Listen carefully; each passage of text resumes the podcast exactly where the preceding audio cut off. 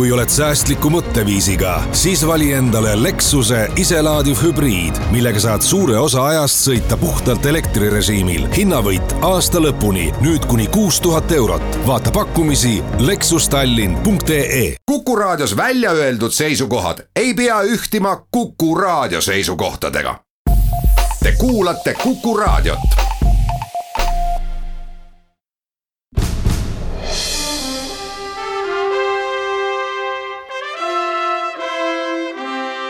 vahetund Postimehega.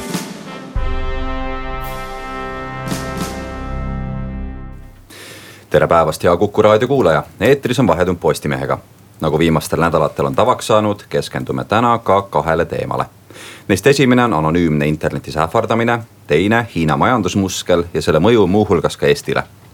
ühtekokku on meid stuudios täna neli, Kadri Kulpak, uuriva toimetuse reporter, tere, tere Holger Roonemaa, Postimehe uuriva ajakirjanduse juht, tere. tere. ja arvamustoimetaja Karl-Edvard Salumäe, tervist. tervist. mina olen saatejuht Indrek Lepik. no alustame saadet teemaga, mis on täitnud viimase nädala ja saab homme ka käsitluse mõttes jätku.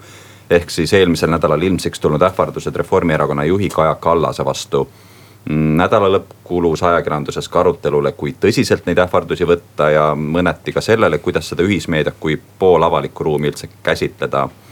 Mm, Kadri, homme saab see teema siis Postimehes jätku, räägi, kuidas täpsemalt. jah, nagu sa ütlesid, siis äh, sel teemal on ju hästi palju juba räägitud aga me oma homses loos tahamegi välja tuua selle, et kuidas äh, tõesti sellel sotsiaalmeedia ajastul võib igaüks äh, selliste räigete sõnade laviini alla jääda ja noh, et sa võidki olla lihtsalt inimene, kes teeb heas usus oma igapäevatööd, aga ja võib-olla siis satud ka kuidagi avalikkuse huviorbiiti, meedia huviorbiiti ja siis äh, sind lihtsalt valatakse üle selliste ähvardustega ja, ja sõimuga. ja teisalt me äh, lahkame seal ka nagu teadlastega neid põhjuseid, et miks see siis äh, nii on ja seda teemat avab äh, homme Postimehes siis äh, Tallinna Ülikooli visuaalkultuuri ja sotsiaalmeedia dotsent äh, Katrin Tiidenberg. ja tegelikult võibki välja tuua siis kaks põhjust, et miks me üldse sellisest probleemist täna räägime. et ühest küljest on see seotud siis populismi levikuga Euroopas, noh mis ei ole siis et jällegi, et see ei ole üldse ainult Eestile omane nähtus ja, ja teisalt on, on sellised sõnavõtud nagu üha laiema leviku saanud, sest ähm, poliitikud näitavad eeskuju normaliseerivad seda käitumist ja, ja siis inimesed võtavadki seda üle ja arvavad, et äh, nii ongi okei okay teha. No poliitikud ise vähemasti eelmise nädala lõpus äh, justkui vihjasid, et, äh, et ühtpidi nende nii-öelda see eeskuju osa on, on nii-öelda probleemi äh, ütleme tuumalt siis äh, tähelepanu juhtimine ja, ja teisalt üleüldse, et äh, kui palju on seda nii-öelda päris ähvardamist ja, ja mis on nii-öelda infooperatsioon ja mitte, et kui, kui suur probleem see on, et, et tegelikult paljud vähemasti oma nii-öelda sellises avalikus kommunikatsioonis ei võtagi seda ülemäära tõsiselt. Mm, jah, see on kindlasti probleem, et tegelikult äh, me kuidagi jah, nagu ma ütlesin, et see ongi juba selline uus normaalsus, et äh, selliseid asju ei äh, mõisteta hukka, eriti kui äh, poliitikud sellist kõnepruuki kasutavad ja ma arvan, et kõik teavad, et mis erakonnast me eelkõige räägime, et ja, ja kui seda avalikult hukka ei mõisteta, et siis, siis see üha enam levibki, et tegelikult häid viise selle nii-öelda vastu võitlemiseks, et sellist head antidooti tegelikult ei ole et nende inimeste siis ähm, võib-olla isikuline väljatoomine äh, võib hoopis päädida sellega, et äh, nemad omakorda äh, siis satuvad selliste vihalainete alla ja see tegelikult noh, ainult toidab seda probleemi, aga noh, kindlasti oleks kasu näiteks sellest, kui, kui poliitikud ise jõulisemalt seda hukka mõistaksid ja, ja noh, näiteks politsei käivitas oma sotsiaalmeedias kampaania, kus ka kutsub üles teavitama. ja tegelikult tõesti sellel Kaja Kallase juhtumil on olnud selline mõju et, et inimesed on oma kogemustest hakanud rohkem rääkima ja, ja see võiks natuke seda mm, selle jah, seda probleemi siis, seda probleemi ulatust kõigepealt näidata meile ja, ja, ja tegelikult pigem ongi vaja sellist ühiskondlikku debatti, et mida siis teha et nagu ma ütlesin, et häid lahendusi ei ole sa ütlesid, et see ähvardajate endi nii-öelda väljatoomine võib, võib muutuda tegelikult ka nii-öelda nende ähvardajate enda, ütleme siis nii-öelda ohvristamiseks, et kuidas see mm. -hmm. Kuidas siis nagu pärssida seda, seda tegevust, sest et äh, vähemasti praegu ju paistab ikkagi, et ähvardajate jaoks on äh, on tegu selline, ütleme, see anonüümsusloor annab ikkagi võimaluse oma sõnade eest mitte vastutada, et, et kui, kui tõsiselt üldse ähvardajad ise nagu võtavad seda ähvardust kui mhm. sellist, sest et äh, lõppkokkuvõttes tundub justkui nii-öelda tegu oleks sellise jututoa lolli naljaga mm. -hmm no tegelikult mm, politsei ütleb ka, et, et äh, ähvardajatega alati räägitakse, et äh, praegu siin äh, Monika Ranna ja Kaja Kallase juhtumi puhul võib-olla on jäänud mulje. et enamasti mingisuguseid tagajärgi sellel ähvardajal ei kaasne ja noh, päris nii see ei ole. et näiteks Taavi Rõivast ähvardanu isegi istus vangis minu meelest kolm kuud reaalselt. et ähm, et jah, ütleme, et siin võib-olla seda teemat peaks siis keegi teine niimoodi kommenteerima, et päris noh, mul neid vastuseid ei ole, aga jah, mida politsei on öelnud, ma saan seda nagu vahendada. et selle inimesega jah, alati räägitakse ja sageliselt tulebki näiteks välja, et inimesel on jäänud rohud võtmata, et need võivadki olla sellised inimlikud põhjused, aga alati ei vabanda sellist käitumist ka see välja, et noh, et inimene oli joobes, et noh, et siis on nagu okei okay selliseid asju teha, et, et päris nii ka ei ole aga, aga selle, ma just segan vahele, see Taavi Rõiva juhtumi puhul oli, oli see ähvardus natukene veel kangema, kangema kraadiga, sellepärast et see ähvardaja käis tal, käis tal päriselt ju kodu ukse taga ja, ja üritas seal, ma ei mäleta, kas Riigikokku või, või Stenbocki saada. et seal see oht oli, oli mm, -hmm. oli, oli väga reaalne aga millega meie praegu ju tegeleme, on, on see, et, et see üks asi on ähvardus, aga teine asi on lihtsalt see räige ja rõve sõim ja see piiri tõmbamine, et mis hetkel muutub äh, ähvardus sõimuks või sõim ähvarduseks, et see on, on, on väga keeruline. Ja nüüd me tahamegi nende poliitikute kõrval äh, näidata seda, et kui palju sellise tõesti hullumeelse sõimuga puutuvad kokku kõik äh, need ametnikud, kes teevad tegelikult väga olulist tööd, on nad siis, ma ei tea, lastekaitsjad või on nad prokurörid või, või, või kes iganes. et see, kui keegi soovib sulle tuhandet vähkkasvajat Äh, kirjutab sulle riigiametnikule, et ma soovin sulle tuhandet vähkkasvajat. et see ei ole tapmisähvardus. aga, aga mõelge, mis, mis kontekstis see inimene oma tööd siis edasi teeb, teenib riiki kas, kas, kas sul on nagu mulje jäänud, et politsei võtab seda asja selles mõttes ikkagi nagu, nagu tõsiselt? politsei on äh, plindris ja ma saan neist väga-väga täpselt aru ka, et, et kui taaskord selle tuhande vähkkasvaja juurde tagasi tulles, et, et see ei ole tapmisähvardus ja selle peale kriminaalmenetlust alustada ei saa. ja nüüd on äh, politsei on viimase nädala jooksul ju mitmel korral nii Monika Ranna juhtumi puhul, nii Kaja Kallase juhtumi puhul öelnud, et nemad kriminaalmenetlust ei alusta äh, kuna nad reaalset ohtu ei hinda. Ja mis see siis toob kaasa, ma näengi, kui hädas nad on selle asja kommunikeerimisega. et politsei avalikult tuleb ja ütleb, et me ei alusta kriminaalmenetlust, mis teistpidi siis julgustab või, või võib õhutada neid, neid inimesi samamoodi jätkama, et ennast karistamatuna tunda. et sa saad selle ühe telefonikõne või, või manitsuse, aga, aga tegelikult sa tead, mitte midagi ei juhtu, et, et ma lähengi ja, ja, ja lihtsalt plärtsun inimeste postkastid või telefonid seda viha ja, ja sappi täis ja sellepärast nagu Kadri ütles, on, on politsei sellise väikese sotsiaalmeediakampaania alustanud. et kui ma vaatan tänast Twitterit, siis prokuratuur on öelnud, et äh, taaskord, et äh, ähvardamine on kuritegu ainult siis, kui sellel on tõsi taga äh, ja siis nad lisavad sinna lõppu, et, et kellegi muud moodi sõimamine, mõjutamine või hirmutamine ei ole küll kuritegu, kuid ei ole aktsepteeritav. noh, see ei ole aktsepteeritav on ju tegelikult nii leebe asi, et, et see, see julgustab inimesi. jätkame seda vestlust pärast lühikest pausi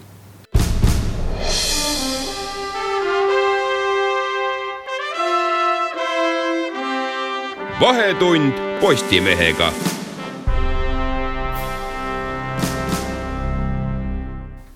jätkab Vahetund Postimehega, stuudios on Kadri Kuulpak, Holger Roonemaa, Karl-Eduard Salumäe ja Indrek Lepik.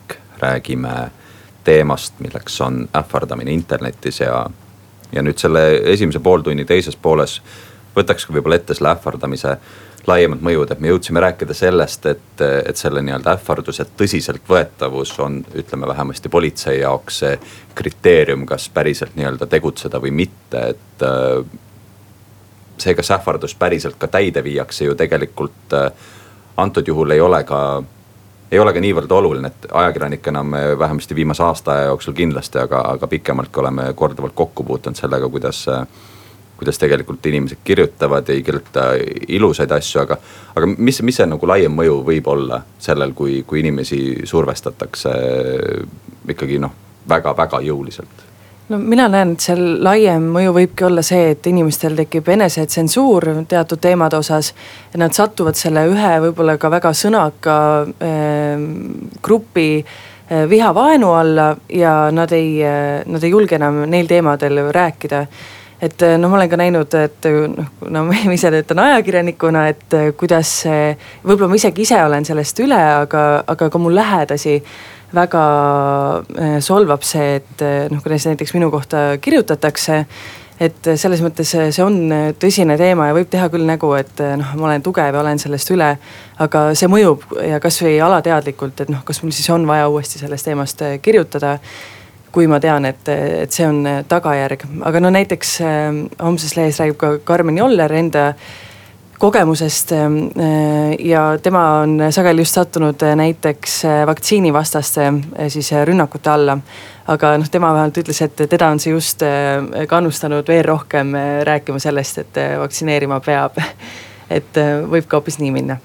jah, aga, aga kui, kui ütleme ka politsei või, või ka prokuratuur öö ei tõmbagi seda piiri, vaid, vaid joonistavad ta kuidagi nagu häguselt ja, ja ütlevadki, et, et jah, et ähvardus võib ju olla, aga, aga kui ikkagi on suur tõenäosus, et, et sellel ei ole mingit sisu taga, siis, siis ei ole ka midagi ette võtta, et minu meelest nagu probleem on selles, et me ei saa nendes asjades jää, jääda vaatama politsei või prokuratuuri otsa. et, et politsei ja prokuratuuri asi on see siis, kui jah, kuskil on konkreetne tapmisega ähvardamine, konkreetne vägivald äh, on õhus, ütleme nii. aga, aga muus osas äh, algab see ikkagi meist kõigist endast või meie, meie ühiskonnast, meie poliitikutest, meie, meie ministritest, et.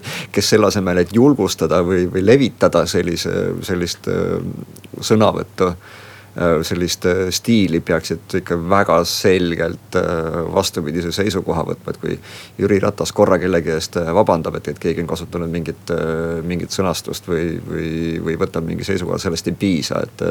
teisest küljest me näeme, et valitsuses on meil praegu inimesi, kes tegelikult julgustavad täpselt sellist sõnavõttu. ja siis ei tohi ära unustada nende samade poliitikute ja erakondade selliseid satelliite, nimetame neid nõnda nagu näiteks on olemas selline Facebooki grupp nagu EKRE sõprade klubi, mille sisu noh, pehmelt öeldes ei kannata mitte mingisugust kriitikat. Äh, ja ma toon lihtsalt näiteks, et EKRE sõprade klubis on üleskutse stiilis, et tehti konkurss, et äh, kuidas võis välja näha tap-, tap-, tapmisähvardus äh, Kaja Kallasele, enne kui see, enne kui see sõnumi tegelik sisu välja tuli. et siis seal inimesed äh, nuputavad ja, ja mõnitavad teistpidi, et, et millise sõnastusega võidi Kaja Kallast ähvardada. ja paraku on EKRE inimesed selles asjas selgrootud vastavalt olukorrale, nad kord distantseerivad ennast sellest Facebooki grupist, siis jälle nagu tunnistavad väga enda omaks käivad välja mingisuguseid niisuguseid tühisõnalisi äh, lauseid, et, et meil on sõnavabadus ja nii edasi.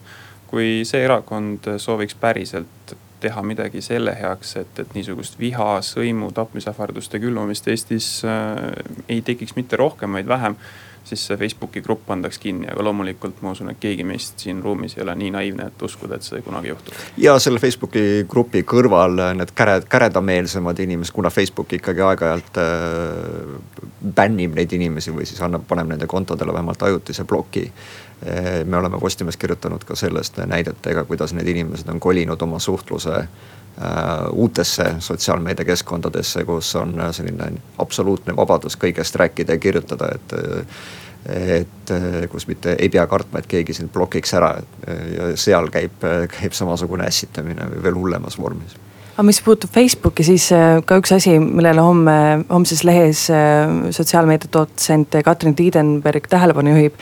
On see, et need on USA platvormid, noh Facebook on tõesti Eestis kõige levinum ja isegi kui eh, noh, näiteks Euroopa riigid tahaksid mingeid karmimaid seadusi, mis võib-olla siis ka piiraksid selliste sõnavõttude levikut Facebookis siis noh, see ei ole võimalik, sellepärast et USA-s on eriti olulisel kohal sõnavabadus või ütleme, nende noh, nad mõtestavad sõnavabadust noh eriti laialt et, et see on ka üks selline piirav faktor, aga samas tõesti, et kui see kanal ka kasvõi kinni panna, et siis tekib kohe kolm järgmist, et see on ka selline tuule. piisab jälle on ka Ameerikast võtta näiteid selle kohta, kus selle sõnavabaduse taha lõpmatult pugemine on mõnele sotsiaalmeedia platvormile nii-öelda siis tagasi toonud negatiivses mõttes, et mäletatavasti Twitter ühel hetkel sai USA-s väga nihukese negatiivse konnotatsiooni sest just nimelt seda kanalit hakati sealmail kasutama sellise viha, rassismi teemaliste. nojah, seal oli ka kogu see nii-öelda pühasõdalaste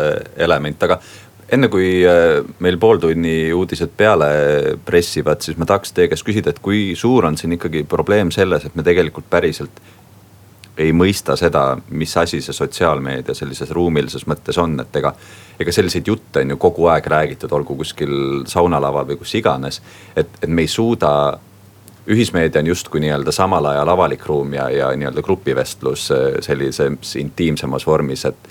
et, et seal on need kuidagi nii-öelda kaks ühes, et, et kas, kas, kas see muutub sellega, kui me, kui me harjume sellega või, või ongi see nii-öelda avalik ruum nüüd igal pool ja, ja me peame lihtsalt nüüd oma oma kuidagi käitumises korrektuure tegema või vastupidi, kuidagi ka jõustama seda käitumismudelit?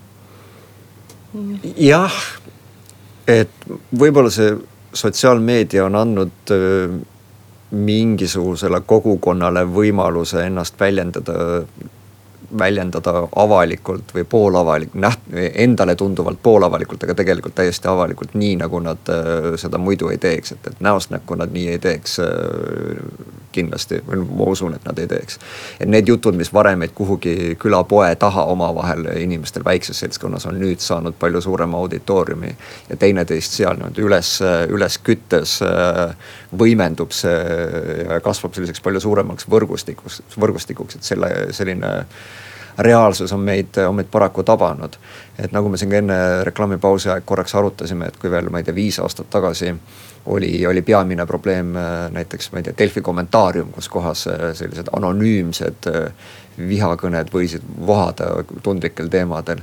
et siis nüüd ei ole Delfi kommentaarium enam mingisugune oluline teema, ühiskondlikult oluline teema, et nüüd on palju olulisem just seesama, mis toimub Facebookis, avalikes gruppides, kinnistes gruppides ja poolkinnistes gruppides. ja kus inimesed paraku täiesti häbenemata oma nime all sõimavad, räuskavad ja ähvardavad ja selle tõdemusega peame sellele teemale joone alla tõmbama. Saab vaid öelda, et äh, palun käituge internetis korralikult, aga nüüd kuulame pooltunni uudiseid ja enne ka veel kommertsteateid.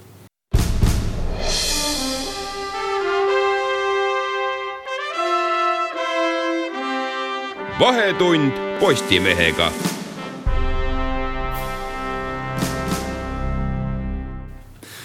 ja jätkab Vahetund Postimehega. stuudios on Holger Roonemaa, Karl-Edvard Salumäe ja Indrek Lepik. saate teise poole pühendame Hiinale ja ta majanduslikule mõjule. Postimees uuris Kantar Emori abiga, kuidas inimesed Hiina investeeringutesse suhtuvad ja tulemus oli valdavalt viiskümmend, viiskümmend. on pooldajaid, on pelgajaid ja ilmselt kõige laiemalt ka tegelikult suur osa neid, kes ei oskagi arvamust kujundada Holger, sa juhtisid siin sügise alguses suurt artiklite seeriat Hiinast ja tema mõjust meie osale Euroopast. kuidas sa ka selle taustal hindad neid küsitluse tulemusi? Ja minu meelest need küsitluse tulemused on umbes, umbes täpselt sellised, nagu ma oleks ise ennustanud, kui ma oleksin pidanud raha selle peale, peale panema väikses summas. et nagu sa ütlesid, et septembri alguses me avaldasime sellise väikse seeria Hiina mõjudest äh, Baltimaades, et siiamaani oli Hiina teemat äh, Eestis, Lätis ja Leedus peamiselt äh, väga suures osas kajastatud läbi välisuudiste prisma. aga meie sari oli siis selline esimene omamoodi teerajaja, et kus me tõime selle Hiina, Eesti, Läti ja Leedu konteksti. mis aitab ka mõtestada seda, seda meie praegust küsitlust, et Hiina teema meie enda isiklikust nii-öelda vaatepunktist siin väikses Eestis on, on uus. Ja pärast seda meie sarja on, on Hiina teema tõusnud rohkem ka Eestis tähelepanu keskmesse paneme sinna juurde kommunistliku partei suure aastapäeva või, või paneme sinna, sinna juurde veel Äh, needsamad äh, nii-öelda läbirääkimised või kaubandussõja USA ja Hiina vahel, et Hiina on nüüd sügisel väga suureks teemaks ka Eestis tõusnud. aga Eesti inimestel Eesti poliitikutel, Eesti ametnikel on, on kõigil keeruline osa, keeruline seda tõlgendada, et, et mis me sellest Hiinast tegelikult ikkagi arvama peame. et, et ta on kuskil kaugel, et mis see mõju ja mis see oht meile tegelikult on. mulle tundub, et sellest peab veel väga palju rääkima, et, et, et me suudaksime aru saada, et tegelikult Hiina on meile endale Eesti kontekstis väga oluline teema, kus me peame seisukoha võtma no Karl, me pühendasime teisipäevase juhtkirja ka tegelikult Hiina teemale ja, ja, ja muuhulgas äh, oli seal ka punkt ju sellest, et äh, kui me vaatame nüüd Eestina ida poole, siis äh, Venemaa on meile ikkagi võrdlemisi nii-öelda tuntav suurus, me teame, mis, mis kaasneb Venemaaga ühel või teisel viisil. Hiinaga praegu ikkagi väga veel ei tea. vastab tõele jah, et äh, mõneti teatud maani võib äh, ametnike ja poliitikute niisugust soovimatust Hiina teemal mitte nii väga suud avada mõista, sest äh, teatud aspektides tõenäoliselt ka nemad kompavad pimeduses. Äh, puudutab see siis mõnda Hiinast tulla tahtvat investeeringut, mingisugust muud tahku. kui nende käest küsitakse, et missugune on või võiks olla selle sammu mõju, siis tõenäoliselt nad jäävad isegi hätta. Nad võivad üksnes oletada ja noh, oleme ausad Hiina riigi puhul need oletused pahatihti on väga niisugused kurjakuulutavad. aga samas anda välja mingisugune niisugune ohtu, võimalikku ohtu äh, siis nii-öelda teadvustav mingisugune sõnum, noh sul peab olema ikkagi mingisugune põhi, mille põhjal sa seda väidad. et, et no teatud maani ma saan sellest niisugusest soovimatusest Hiina teemadel rääkida aru ka me siiamaani just nagu äh, riigi tasemel äh, üritame võimalikult kaua vait olla Hiina osas. parem on mitte, äh, mitte võtta väga jõulisi või, või väga selgeid seisukohti, sellepärast et ühte või teistepidi võib see meile, meile kätte maksta. Ja tegelikult me ju ei tea, milline on meie riigi poliitika Hiina suhtes Äh, riigikogus on üks äh, välispoliitika arengukava või, või mingi analoogne dokument äh, kas vastuvõtmisel või, või võib-olla isegi praeguseks vastu võetud. selle tööversiooni ma kaks kuud tagasi lugesin, seal oli Hiinat mainitud vist ühes lauses ja seoses võimaliku uue turuga meie, meie ettevõtete jaoks. välisministeeriumisel on väljatöötamisel Hiina strateegia aga, aga ta on jätkuvalt väljatöötamisel sellises staatuses ja kui kui see juhtumisi peaks ühel hetkel kinnitatud saama, et, et siis see dokument jääb äh, minu arusaamist järgi salajaseks. et seda vähemalt äh, oma, oma põhiosas seda avalikuks ei tehta. et ta on selline selline mäng, et, et kaua, kaua me suudame vait olla, sellepärast et me teame, et, et meil on ka poliitiliselt Hiinat võib vaja minna. aga tegelik see väljakutse on ju selles, et, et mis saab siis, kui Hiina on maailma domineeriv jõud mitte ainult majanduslikult, vaid äkki ka poliitiliselt ja, ja kui see domineeriv jõud ei ole demokraatlik riik äh, nagu me oleme harjunud, nagu on praegu näiteks USA. et kuidas me siis peaksime suhestuma, et kui meie enda julgeolek sõna otseses mõttes ka muuhulgas ka suhted Venemaaga hakkavad tegelikult sõltuma Hiinast. Kus, kes ei ole demokraatlik riik, et kuidas me siis tegelikult ise käituma peaksime. no ilmselt äh, on siinkohal kohane märkida ka seda, et küllap oleksid meie poliitikud ja ametnikud äh, Hiina osas äh, sõnumite ja arvamuste edastamisel julgemad, kui Hiina reaktsioon kõikvõimalikele väljaütlemistele ei oleks nii jõuline ja nii valuline. et äh, noh, võtame kasvõi selle vana hea tuntud äh, ühe riigi poliitika, eks ju, et, et mida Hiina nõuab, et kõik teised riigid tunnustaksid ja sellest lähtuksid arusaadavatel põhjustel teatud puhkudel räägime Hongkongist, räägime millestki muust. me ei taha ega saa seda nii väga teha. jah, Hiina on selles mõttes väga, väga jõuline tõesti nagu, nagu Karl ütles, et, et kui nad suruvad USA suurettevõtteid, kes juhtumisi omavad, on need lennuliinid või hotelliketid, kes oma kaartidel kuskil ajakirjades või, või brošüürides näitavad äh, Taiwan'i iseseisva riigina näiteks. et nad suruvad neid nii-öelda riigist lahkumise ähvardamisega äh, muutma neid, neid väikseid kaarte, mis tegelikult on nii väiksed, eba, ebaolulised, täiesti mõjutud, mõjutud väljaanded, mõjutud, mõjutud kaardid on need.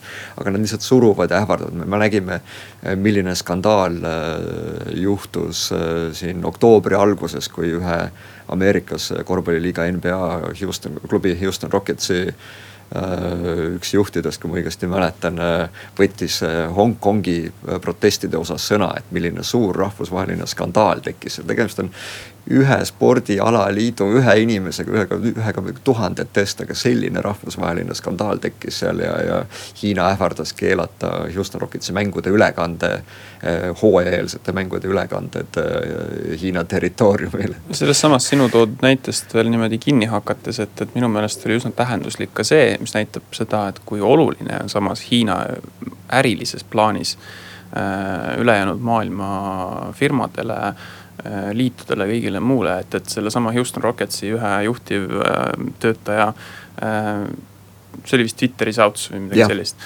Äh, selle järel lainetusena mitmed mängijadki nagu näiteks Lebron James, NBA niisugune kroonimata kuningas, praeguse aja kindlasti kõige parem mängumees ja nii edasi. Äh, oli oma niisugustes kommentaarides ka niisugune, et, et, et äh, Houston Rocketsi inimese väljaütlemised olid niisugused ebapiisava info põhjal umbes öeldud ja nii edasi.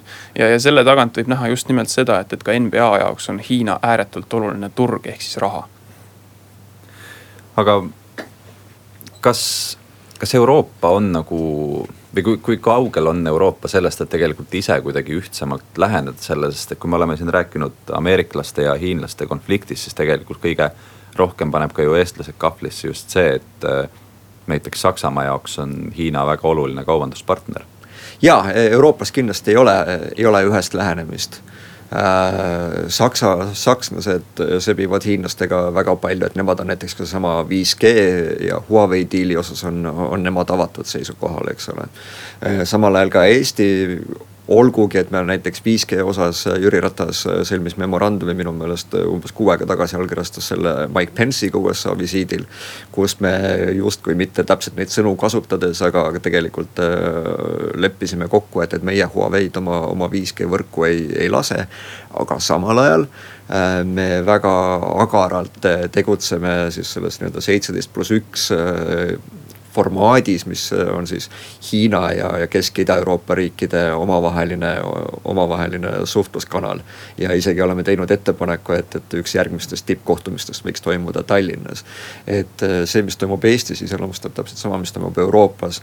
et meil ei ole siiamaani ühest pädevat, äh, pädevat lähenemist, kõik kuskil ajavad mingit, mingit oma liini eks kindlasti eurooplaste elu eelkõige on ju raskeks teinud hiinlased ise just sellega, et ka hiinlaste enda selline jõuline poliitiline hoiak on tegelikult alles ütleme viimase paari aastaga esile tulnud, et eh, Xi Jinping on kindlasti nagu üle aastakümnete üks kõige jõulisemaid Hiina liidreid üldse, kes tegelikult on ka toonud riigi välja sellisest äh, nii-öelda tasa ja targu äh, suureks hegemoniks äh, kasvamisest. aga Hiinat saame edasi mõtestada pärast lühikest pausi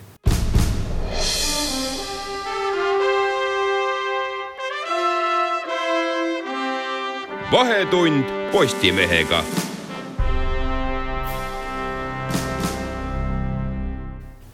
ja jätka Vahetund Postimehega, stuudios on Holger Roonemaa, Karl-Edward Salumäe ja Indrek Lepik, räägime Hiinast. enne, enne reklaamipausile minekut eh, me jõudsime siin veidi Hiina rolli mõtestada, aga, aga siin viimase veerandi alguses ma viskaksin teile välja sellise lihtsa ja natuke provokatiivse küsimuse, et kas Eestil on Hiinat päriselt üldse tarvis. kui me vaatame Eesti majanduse suurust, me oleme küll ekspordile orienteeritud, aga tegelikult meie enamik partnereid on siinsamas Läänemere ääres ja, ja Hiina on küll suur turg, aga, aga ütleme nii, et võrdlemisi ammendavalt saame me müüa oma kaupu juba praegu Euroopas. kiiresti vaatasin järele reklaamipausi ajal Eesti eksport Hiina on EAS-i andmetel kakssada nelikümmend viis miljonit eurot aastas, mis ei ole teab mis palju. on meil Hiinat vaja? see on jah muidugi konksuga küsimus, et, et ühest küljest eh, me ei maksa manada nagu lootusi või, või ette kujutada, et, et Eesti ettevõtted on nii suured, et, et, et Hiina turg on neile just see, kus kohas nagu väga palju raha teenida, et, et küll aga, küll aga võiks Hiina olla mitmetele Eesti võtet, Eesti ettevõtetele Äh, täiesti nagu mõistlik turg, kuhu lihtsalt eksportida, kuna tegemist on äh, maailma esimese või teise majandusega, eks ole. ja turg on seal kasvav, et kindlasti ta annab võimalusi, et ma kindlasti ei ei, ei tahaks nagu välistada, öelda, et me nüüd, meil Hiinat tegelikult ei ole vaja. teine küsimus on see, et, et kas Hiinal on Eestit vaja ja nagu meiega seesama Postimehe küsitlus, millest me eile uudise avaldasime, et see küsi-, küsimus oli ju sõnastatud äh, lähtudes Hiina investeeringutest Eesti kriitilisse infrastruktuuri, Eestiga seotud. on see siis näiteks seesama Soome tunnel või, või Rail Balticu ehitamine, mille vastu nad on huvi tundnud või võimalikud mis iganes investeeringud kuhugi sadamatesse või, või energeetikasse või, või kuhu iganes ja, ja, ja ka siin on samasugune vastas, vastus, et tegelikult me oleme Hiina jaoks, me oleme mikroskoopilised. Aga, aga samas äh, hiinlaste huvi siin toimuva vastu on olemas ja see tähendab seda, et, et me peame äh, me peame suutma seisukohti võtta Hiinast tulevate investeeringute osas eelkõige. just, ma mõtlesin ka sellesama äh, Tallinn-Helsingi tunneli peale, et, et kui ma Indrek sinu seda küsimust kuulasin, et kas meil on Hiinat vaja noh, niimoodi printsiibis iseenesest äh, Tallinn-Helsingi tunnel, kui sedakaudu saaks hästi kiiresti ja vaevata liikuda, oleks ju tore küll. tõenäoliselt noh, siin niimoodi vähemalt nähtavas tulevikus äh, see saaks tekkida ainult ühtemoodi siis, kui Hiina raha eest see ehitatakse. kas me nüüd tahame siis äh, hiinlaste raha eest ehitatud Tallinna-Helsingi tunnelit või ei taha? see oleneb jälle sellest, et, et kuidas me Hiinat käsitleme, mismoodi me neile läheneme ja selle jaoks oleks vaja just nimelt sellist riikliku tasandi strateegiat, millest siin ennist oli juttu, mis on selline noh, mida praegu ei ole. Äh, ja, ja kus kõik nagu oma parema äranägemise järgi niisugust suuremat pilti kokku koondamata kuidagi nagu pusserdavad. nii et, et äh, see lihtsalt minu meelest on nagu hea näide sellest, tulla tagasi selle juurde, et meil on vaja nagu mingisugust arusaama, mingisugust plaani, mingisugust sõnastatud lähenemist seda, et, et mida me siis nagu Hiinaga pihta hakkame nii-öelda. sest iseenesest see senine mudel on meil olnud ju suhteliselt arusaadav, üheksakümnendate alguses me pääsesime nii-öelda tagasi läände. enamiku ähm, investeeringute või nii-öelda turule pääsemise tingimuseks oli demokratiseerumine, majanduse avamine ütleme, kui asja niimoodi realistlikult või veidi küüniliselt vaadata, siis kindlasti Ameerika Ühendriikide ja Euroopa Liidu jaoks oli oluline ka see, et nende reeglitel põhinevat turgu laiendada, hõlmata tegelikult laiemas mõttes ikkagi kogu Euroopa sinna alla ja kaugemalegi. aga need on nagu väärtushinnangud, millega me oleme saanud äh, nõustuda, mingid kompromissid, millega me oleme saanud leppida, aga, aga Hiina on ikkagi täiesti teistsugune ühiskond, teistsugune majandussüsteemgi, mis sest, et neil on see nii-öelda faktiliselt ju, ju kapitalistlik süsteem, et ikkagi need riigiettevõtted, mis neid kõige suuremaid ka ehitusprojekte ette võtavad noh, nad ei tule ehitama ainult tunnelit, seal on poliitiline kaal taga. ma tooks äh, lihtsalt äh, paralleelina, mitte paralleelina, vaid vahemärkusena siia juurde, et sama üheksakümnendate alguses, millele sa viitasid, jah. aga tegelikult äh, minu meelest see oli juba üheksakümmend neli, kui Lennart Meri presidendina äh, allkirjastas hiinlastega äh, kokkuleppe, mille järgi Eesti täiesti üheselt tunnustab ja käitub ühe Hiina poliitika reeglite järgi. et äh, et selle me tegime ka toona, toona ära ja, ja see on nüüd ka see argument, mis, mida Hiina saatkond kasutab alati, kui mõni Eesti riigikogu liige või, või, või kes iganes muu äh, justkui avaldab toetust Tiibetile, Taiwanile või, või, või puudutab mingis muus võtmes äh, inimõiguste küsimust, äh, inimõiguste küsimust Hiinas. aga äh, et tegelikult selles majanduse kontekstis on oluline veel hiinlaste huvides siin silmas pidada, et miks meil on Hiinat vaja, on, on just seesama tehnoloogia. ja, ja sellega, sellega kaasnev julgeolek. ja, ja see on see koht, kus kohas me kindlasti peame riiklikul tasemel äh, väga selge seisukoha, seisukoha võtma. ja taaskord, nagu sa ise siin küsimust püstitades äh, ütlesid, et, et Hiina riiklikud ettevõtted Äh, ja milline on, milline on valitsuse kontroll nende üle, aga tegelikult Hiinas äh, ei ole ettevõtteid, mida riik ei, ei saaks kontrollida, kui neil on vaja.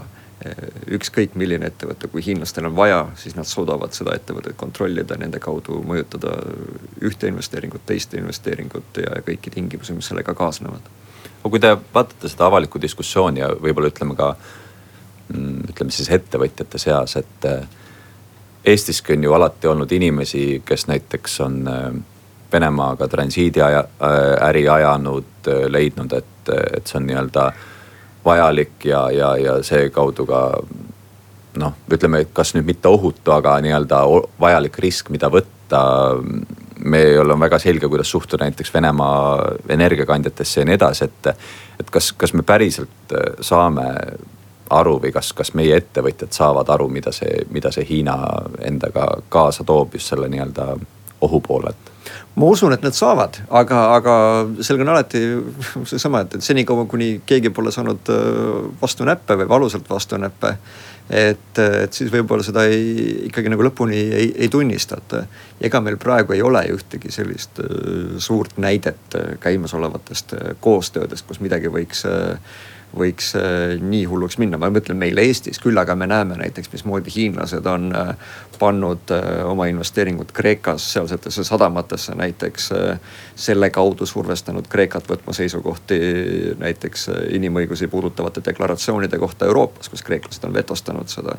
et kui me natukene vaatame kaugemale sellest, mis Eestis toimub ikkagi Kesk- ja Ida-Euroopa piirkonnas, et siis me neid samu näiteid juba, juba näeme küll kas äh, on võimalik, et Hiinast saab selline ähm, vähemasti Euroopa jaoks äh, selline nii-öelda leebem või toredam hegemoon, nii nagu Ameerika Ühendriigid on praegu olnud? väheusutav, neil ju selles mõttes, nende vaates läheb ju järjest paremini. Nad arenevad, nad tõusevad, nad omandavad mõjuvõimu ja tegelikult ka need poliitikad, mida nad siiamaani on viljelenud, on nende jaoks ju töötanud miks nad peaksid jõukogudesse siis kuidagi mingisugust rakurssi muutma?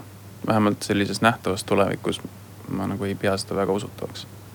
sest et äh, eks seda näitavad muidugi lähikuud või, või lähiaastad vähemasti kindlasti, et ega, ega Hiina avalik kuvand on kõvasti pihta saanud, olgu see sündmused Hongkongis praegu, olgu see tegelikult ka Lääne-Hiinas, kus äh, mm, siis moslemitest uiguure tegelikult on juba tõestatult täiesti pandud põhimõtteliselt koonduslaagritesse, et, et see, mida Hiina tegelikult on teinud ja milliste väärtuste najalt nad nii-öelda oma riiki ja ühiskonda juhivad, on, on vähemasti minu hinnangul küll sellise Euroopa kultuuriruumiga väga suures äh, vastuolus. aga eks, eks aeg näitab, äh, mida, mida meil ka suhted Hiinaga toovad, aga aga selge on see, et selline eluterve skepsis peab püsima. aga Holger Roonemaa, Karl-Edvard Salumäe, aitäh stuudiosse tulemast.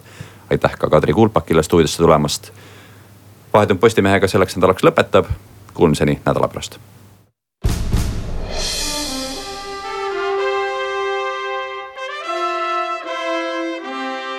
vahetund Postimehega